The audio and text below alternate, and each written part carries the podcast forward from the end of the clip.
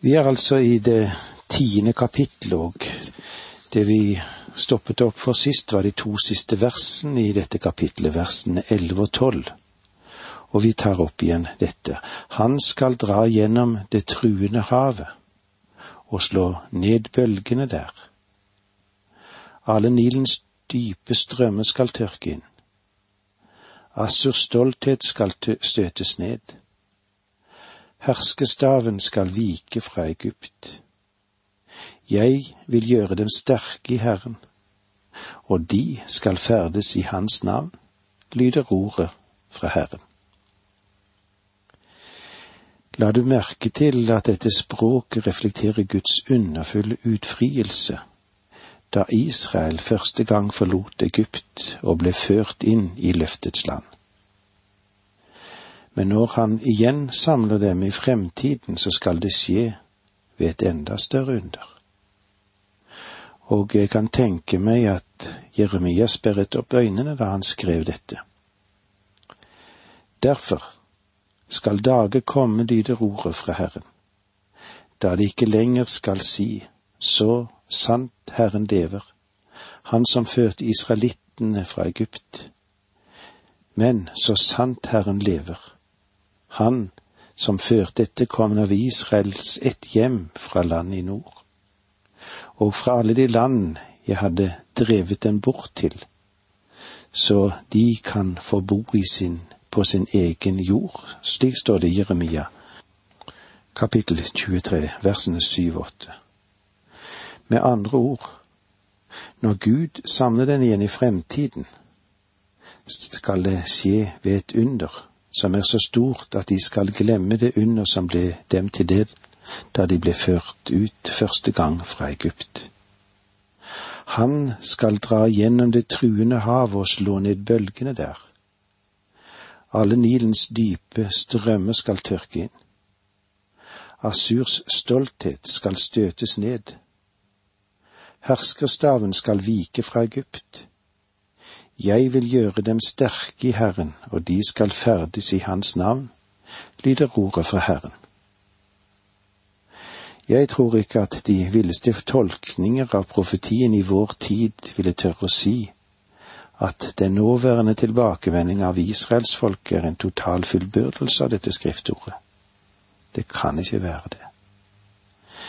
Dette henviser nok til noe som fremdeles hører fremtiden til.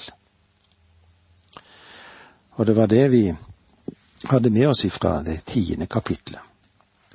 Når vi nå går inn i det ellevte kapitlet, så danner dette kapitlet avslutningen på det som jeg har kalt for byrder, som henger på Kristi første komme. Dette fører oss til den romerske perioden, og den er, som den makabeiske perioden før den, en dyster epoke. Vi har sett at Zakaria er håpets profet. Mange fortolkere gjør oppmerksom på dette. Og selve navnet hans, det betyr jo Herren minnes. Det er ganske interessant at han er en av de siste røster som taler for Gud i Det gamle testamentet.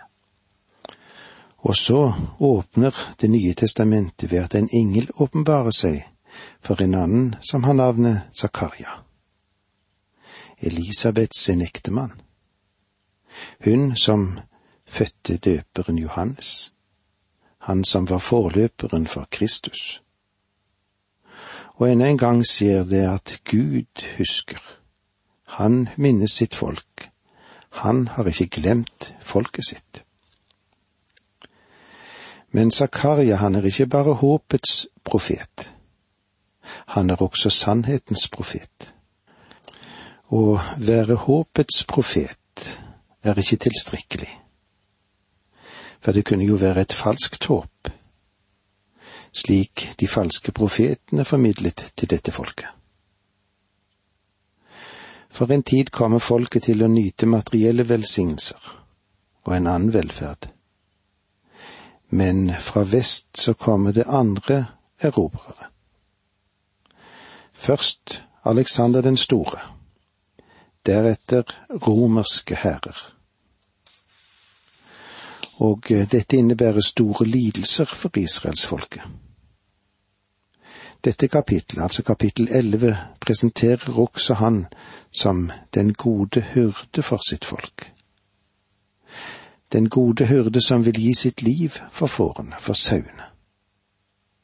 Deretter så vil vi bli gjort kjent med en annen hyrde, den dårlige hyrden, som kommer langt senere. Han er et bilde på Antikrist, som skal splitte sauene og ta livet av dem. I det første som vi går inn i når det gjelder dette kapitlet, er at Jesus avvises som konge ved sitt første komme. Det første verset i kapittel elleve. Lukk opp dine dører, Libanon, så ild kan fortære dine sedertrær. Dette lyder ikke så løfterikt akkurat. Dette forteller oss at det skal være en adspredelse av israelsfolket, selv etter Zakaria sin tid. Og jeg tror det henviser til romertiden. Romerne brukte den samme metode som Alexander den store brukte. De kom inn fra nord. Om du drar til Libanon i dag, så vil du se at nord for Beirut er en elv som er kjent som Hundelven. Og der, rett ved havet, på en fjellside er det mange inskripsjoner som er blitt kalt visittkort for verdens nasjoner. Alle store generaler som kom den veien, risset inn sitt navn på denne fjellveggen. Selv har jeg ikke sett den, men det er noen som har vært der. Her har òg vært noen store greske generaler.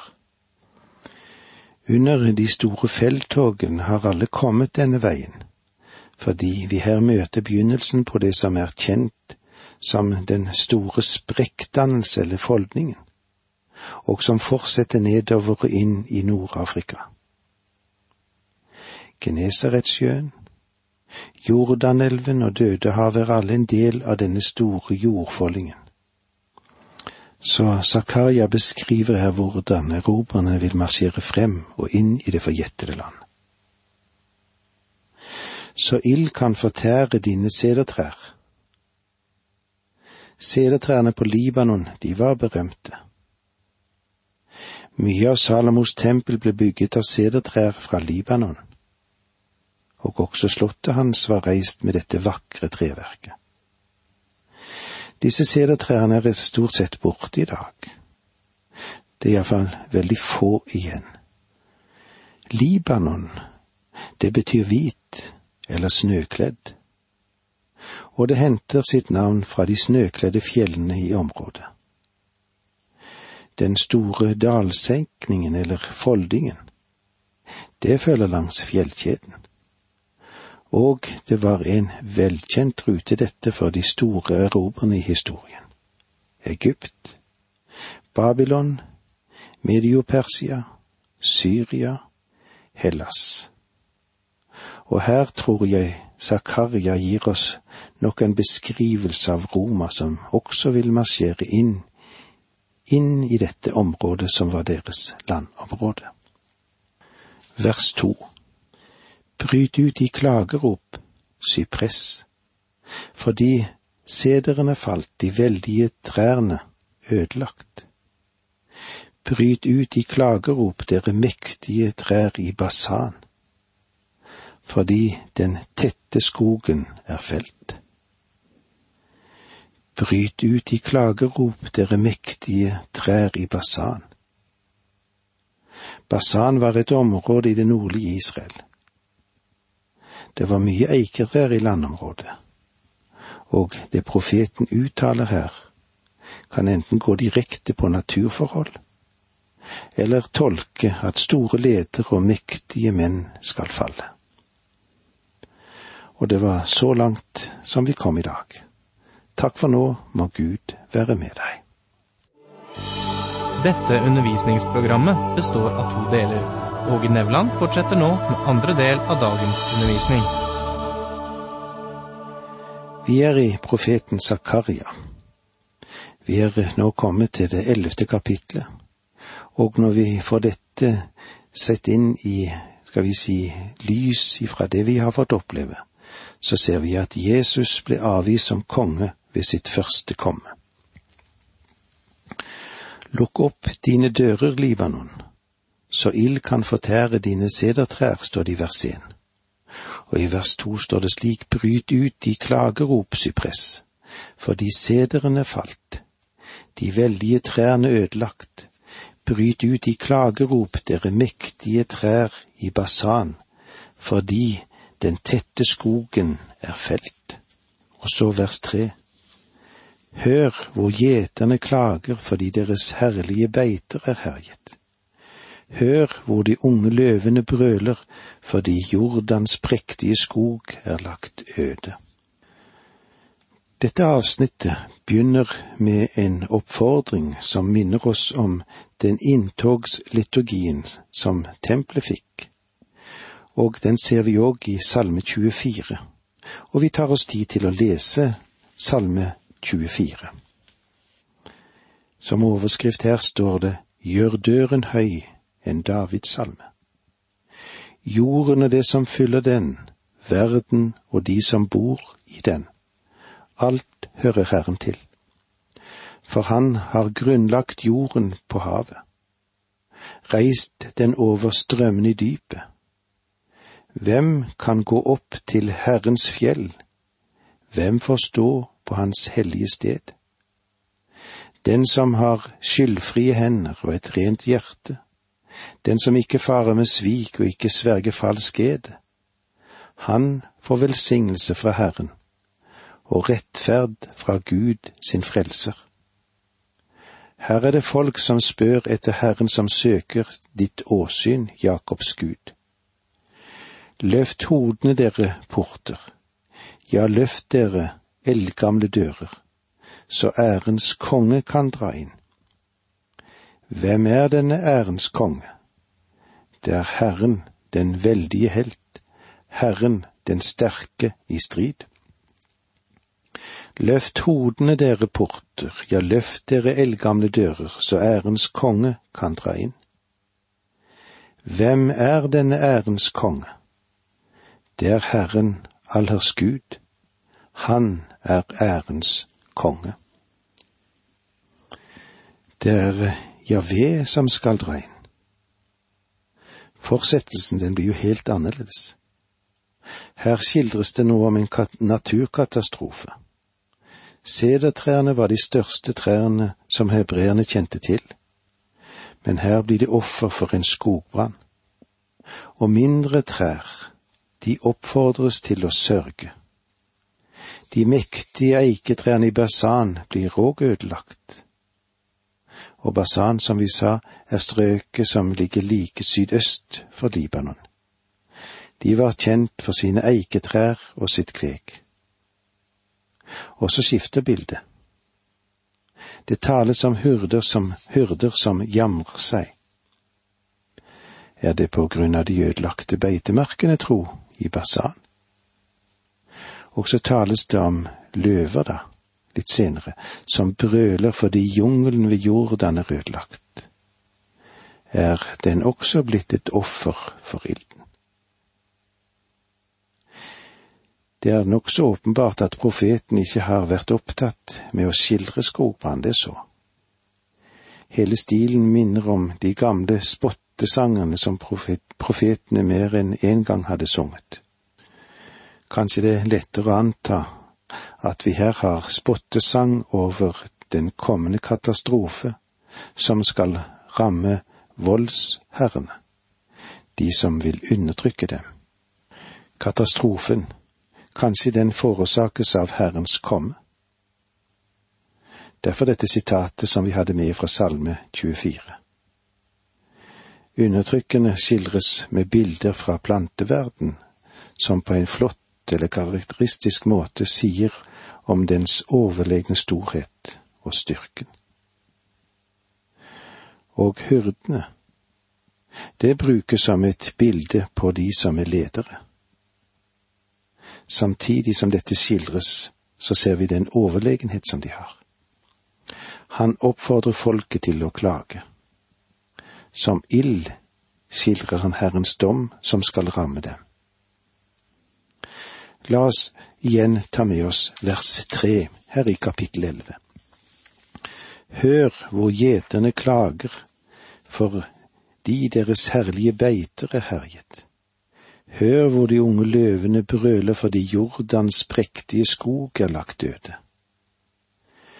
Hør hvor gjeterne klager, fordi deres herlige beiter er herjet. Dette dreier seg også om de falske gjeterne som har gitt folket feil retning, og de ga de òg feil trygghet. Hør hvor de unge løvene brøler. Det henvises kanskje til de unge høvdingene og til lederne. Vers fire. Så har Herren min Gud sagt, Gjet sauene som skal slaktes. Gjet sauene som skal slaktes. Dette virker ganske sjokkerende. De sauene som det henvises til her, er den rest som hadde vendt tilbake til Israels land. Men hva var det de hadde vendt tilbake til? Selv om de kunne få oppleve en tid av velsignelse og overflod, så ville erobrerne komme, og uante lidelser ventet på de der fremme. Vers fem de som kjøper dem, slakter dem uten å bøte for det, og de som selger dem, sier Herren være lovet, jeg blir rik. Og deres egne hyrder sparer dem ikke. Dette profetiske bildet er svært presist når det gjelder å tolke det som hendte dette folket da romerne kom. Vers seks for jeg vil ikke lenger spare innbyggerne i landet, lyder ordet fra Herren. Se, jeg vil overgi menneskene i hverandres hender, og i hendene på deres konge. De skal herje landet, og jeg vil ikke berge noen ut av deres hånd. Gud sier at han vil tillate at dette finner sted fordi de ikke bare handlet vendt mot ham, men hadde også lite til overs for den Messias som Zakaria profeterte om. Vers syv Så gjette jeg slaktesauene for sauehandlerne. Jeg tok meg to staver. Den ene kalte jeg godvilje, den andre kalte jeg forbund, og jeg gjette sauene. Når det gjelder dette verset, har fortolkene forskjellige synspunkter. Kan vi forstå det slik her at Zakaria faktisk ble sauegjeter en tid? Var det en lignelse han fortalte her? Eller demonstrerte han praktisk hva Gud her ville gjøre? Personlig så heller jeg til dette er en lignelse i handling. Flere av profetene brukte denne metoden, i særlig grad Esekiel. Du husker kanskje at Esekiel låste seg selv inn i et hus, grov seg selv ut av dette huset og kom opp i gaten utenfor. Det å grave huller i gaten er svært vanlig i våre byer i dag, synes du ikke det? Og så finnes det ikke en eneste gate i byene våre som ikke er gravd opp en eller flere ganger, vil jeg tro.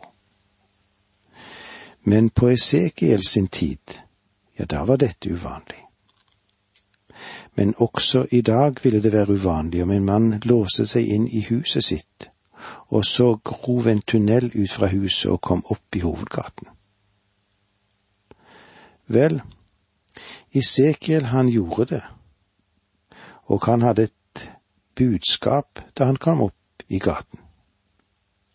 Og han hadde sannelig også en tilhørerskare. Dette var god PR. Og det kan vel tenkes at Zakaria brukte anskuelsesundervisning når han holdt på med sitt, han også. Jeg tok meg to staver. Den ene kalte han godvilje, som betyr nåde eller skjønnhet. Dette var hyrdenes staver. Den som hyrden brukte å holde fårene sammen i flokken sin med. Men denne staven dro også hyrden ofte lam og unge sauer opp fra dype grøfter, eller fra fjellhyller hvor de hadde gått seg fast. Og så har vi den andre staven, da, som blir kalt forbund. Dette har å gjøre med å slutte en pakt. Dette taler også om en stav som hyrden hadde. Det var en tyngre stav. Ikke som en lang og lett hyrdestav, men en noe tyngre, det var et slagredskap. Denne brukte hyrden for å bekjempe ville dyr, og også mennesker som forsøkte å stjele fra saueflokken. Og dette er de to vesentligste sidene ved det budskapet som Zakaria bar fram for folket. Nåde og pakt. Og jeg gjetter sauene. Dette kan både forstås bokstavelig og billedlig. Og det var så langt som vi kom i dag. Takk for nå, må Gud være med deg.